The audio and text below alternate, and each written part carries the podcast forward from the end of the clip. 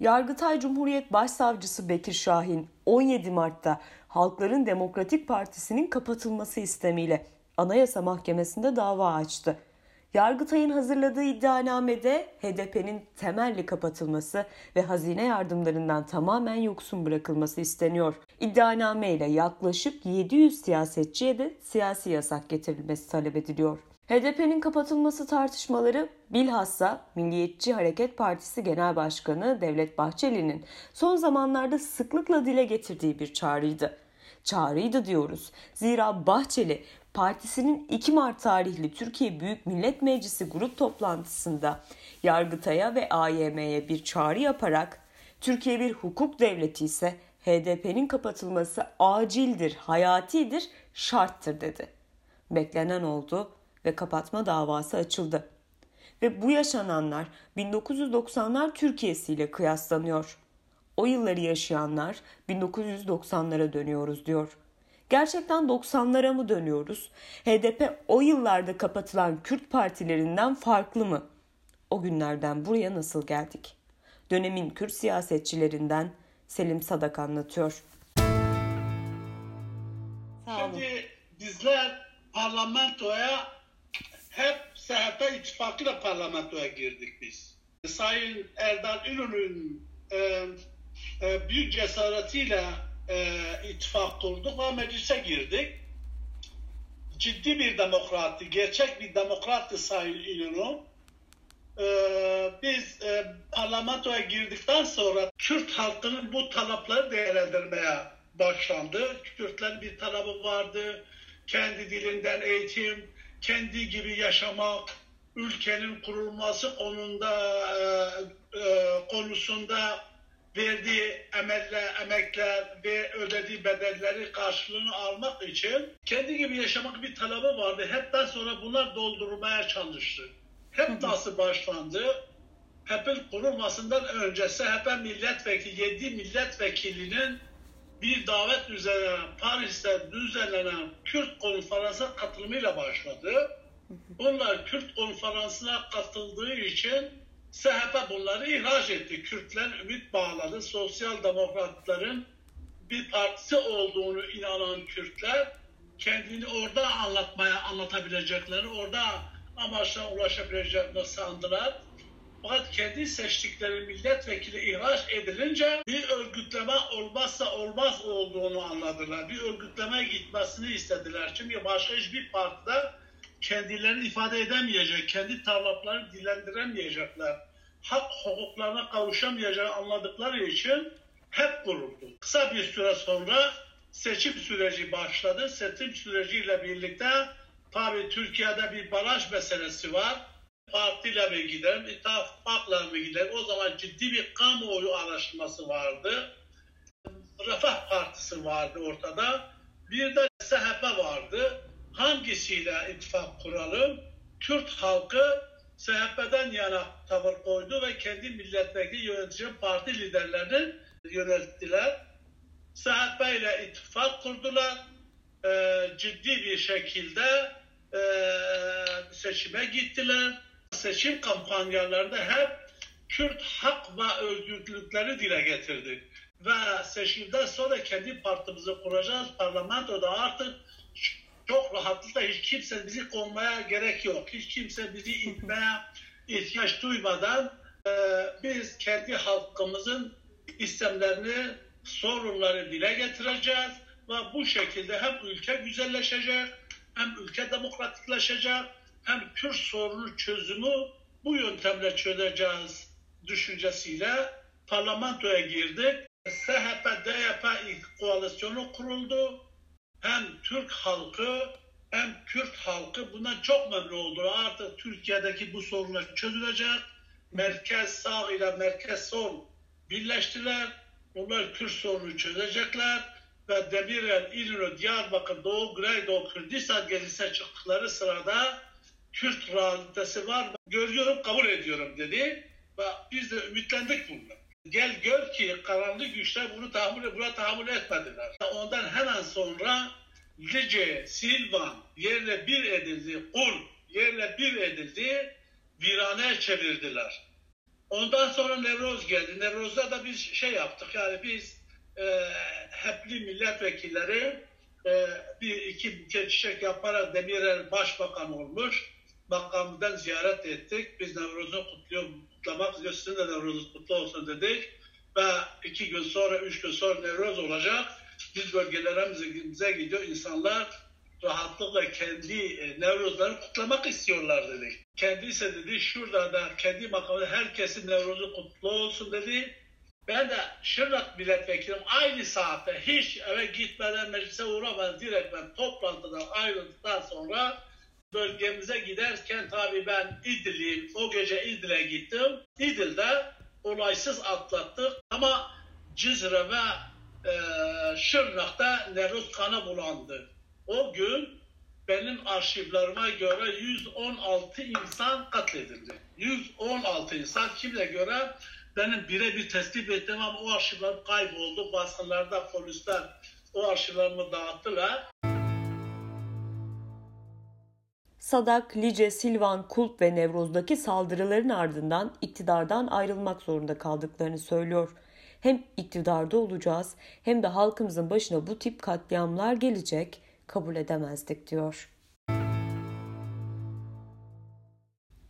Aralarında Ahmet Türk'ün de olduğu siyasetçiler tarafından kurulan HEP'le SHP arasında %10 seçim barajı nedeniyle kurulan ittifak böylece bozuldu. Daha sonra HEP, Leyla Zana'nın Kasım 1991'de meclisteki yemin töreninde Kürtçe konuşması da gerekçe gösterilerek 1993'te kapatıldı. HEP'in ardından bağımsız kalan ve yasaklanmayan 18 milletvekili partinin kapatılma ihtimaline karşı kurulan Demokrasi Partisi'ne yani DEP'e geçti. Leyla Zana, Hatip Dicle, Ahmet Türk, Sırrı Sakık, Orhan Doğan ve Selim Sadak dahil çok sayıda milletvekilinin dokunulmazlığı da 1994'te kaldırıldı. Selim Sadak o günleri de şöyle anlatıyor. Coşkun Kırca mecliste söyledi. Net yani şu mesajı verdi. Sizin su islahatınız var, su suçu değil.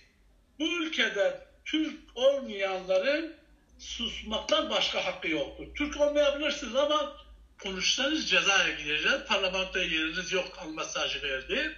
Ve mecburen bizlere 8 milletvekili dokunmazlığı kaldırıldı.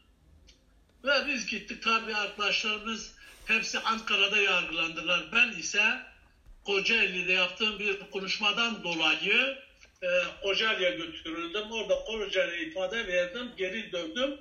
E, anayasa ben tutmazımı geri verdi. Ve arkadaşlarım cezaevine girdi. Ama hayat yok. Ben dışarıdayım. Arkadaşlarım içeridedir. Bir e, oğlum içeride, bir işte sabah cezaevindeyim. Akşam şeye geliyorum ve bu sorunu dile getiriyorum. E, Türkiye'nin gündemi dep davası oldu. Gece gündüz haberler dep davası oldu. Tansu Çiller'den meydanlara çıkıyor Ey halkım ben PKK'yı meclisten attım. İyi mi ettim? Şak şak şak alkış alıyordum. Ve nihayet Tansu Çiller gitti. Biz ayaktayız. Halk ayaktadır.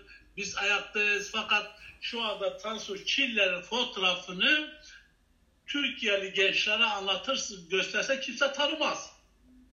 Çünkü yaptığı icraatlar Türkiye çıkarına değildi. Söylediği söylemler Türkiye sorunu çözecek sözler değildi. Ama DEP hep DEP geleneği hala ayaktadır. Hala parlamentodadır. Hala aya o halk onu savunan halk hala milyonlarcası alanlardadır. Ve biz parlamentoda atıldık. Ondan sonra 14, 16, 15 Haziran'da parti kapatıldı bu sefer. Herkesi milletvekili düşürdü. Ben de cezaevine girdim. Arkadaşlarım yanına girdim. Arkadaşlarım kusura bakma ben sizi yalnız bırakmak istemedim. Burada daha rahat ediyorum. Cezaevinde olsa dahi bunu adı sizin yanınızda daha rahat ediyorum şeklinde esprilere başladık. Ben parlamentoda bir şey söylemişim dokunmazlığım kaldırıldığı sırada. Demişim kaldırın. Kaldırın. Siz dokunmazlığı kaldırabilirsiniz. İdam da edebilirsiniz. Sorun değil ama benim ölümü votana gönderin bütün siyasi parti dokunulmazlığımızı kaldıran siyasi parti liderlerinin hepsi güçleri bir etsinler Botan'a göndersin. Yine benim ölüm onların hepsinin 3-4 katı oy alacak. Parlamentoda atabilirsin ama halkın gönlünde bizi atamazsınız. Leyla Zana, DEP Başkanı Hatip Dicle, Orhan Doğan ve Selim Sadak örgüt üyesi olmak suçlamasıyla 15 yıl hapis aldı, 10 yıl cezaevinde tutuldu. Ve Türkiye bu dava nedeniyle Avrupa İnsan Hakları Mahkemesi'nde mahkum oldu. Seçmenleri de bu siyasetçileri Doğu ve Güneydoğu'daki ziyaretlerinde alanlarda karşıladı. Gittiğimiz ilde biz bir tur yaptık, biz tur yaptık. Diyarbakır'dan başladık. Diyarbakır, Mardin, Şırnak, Siirt, Bitlis, Van'a kadar bir tur yaptık. Ama her gittiğimiz yerde milyonlar böyle bizi coşkuladı, bizi bağrına bastı.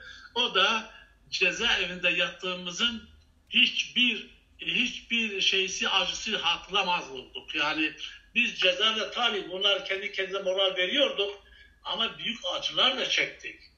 Rahmetli Enem kapıya geldi diye oğlum sana dokunmak istiyorum. Vallahi ben öleceğim diyor ama sana ölmeden bir dokunmak istiyorum. Bir türlü mazgaldan dahi elini uzatıp öpemedim. 60 gün sonra ana rahmetli oldu anam. Yani böylesi büyük acıları yaşadı. Benim arkadaşlarım da böyle şekilde. Ya buna rağmen seyreler çevirdi. Cezaevinden çıkarken de şu mesajı verdi. Dedi ki biz yaşadığımız bütün acıları yaşamamış gibi e, e, göstermeye hazırız. Yeter ki Türkiye sorunları çözelim. Türkiye'de akal kanun dursun, çatışmalar dursun, insanlar ölmesin. Artık hiç kimse Kürtlerin üzerindeki yasaklar ve Kürtleri devlet dışı bırakma konusunda rant, siyasi rant sağlamasın. Biz birleşmeye, bütünleşmeye, kardeşliğe varız.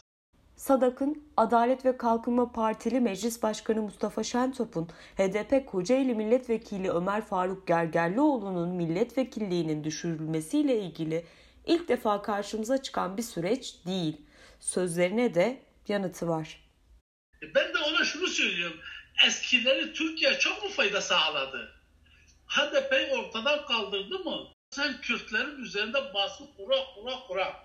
Onların sesi kısa kısa kısa milletvekillerini, iradelerini hapse, hapse koya koya koya netice almadın. Niye sen yapıyorsun bir daha tekrar aynı şeyleri de, deneyiyorsun?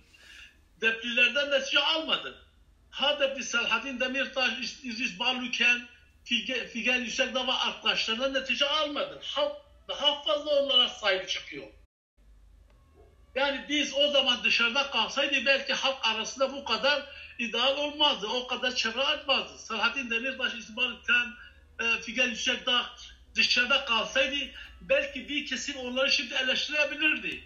Ama şimdiki Kürt halkı hepsi onları seviyor. Can atıyor onlara. Diyor ki şu anda Selahattin Demirtaş, e, İsmail Khan, Figen Yüksekdağ dışarı çıksa, Gülten Kışan dışarı çıksa bu sefer oyları yüzde on üçten yüzde yirmilere gidecek. Artık hiçbir Kürt şu ana kadar muhafazakar Kürt, dindar Kürt, sosyal demokrat Kürt herkes geri dönecek yeter artık diyecek. Yani madem ki namus belasıydı İstanbul seçimleri gibi muhafazakar oylar, demokrat oylar hepsi HDP'nin dediğini yaparak İmamoğlu destekler. Çok güzel bir örnektir.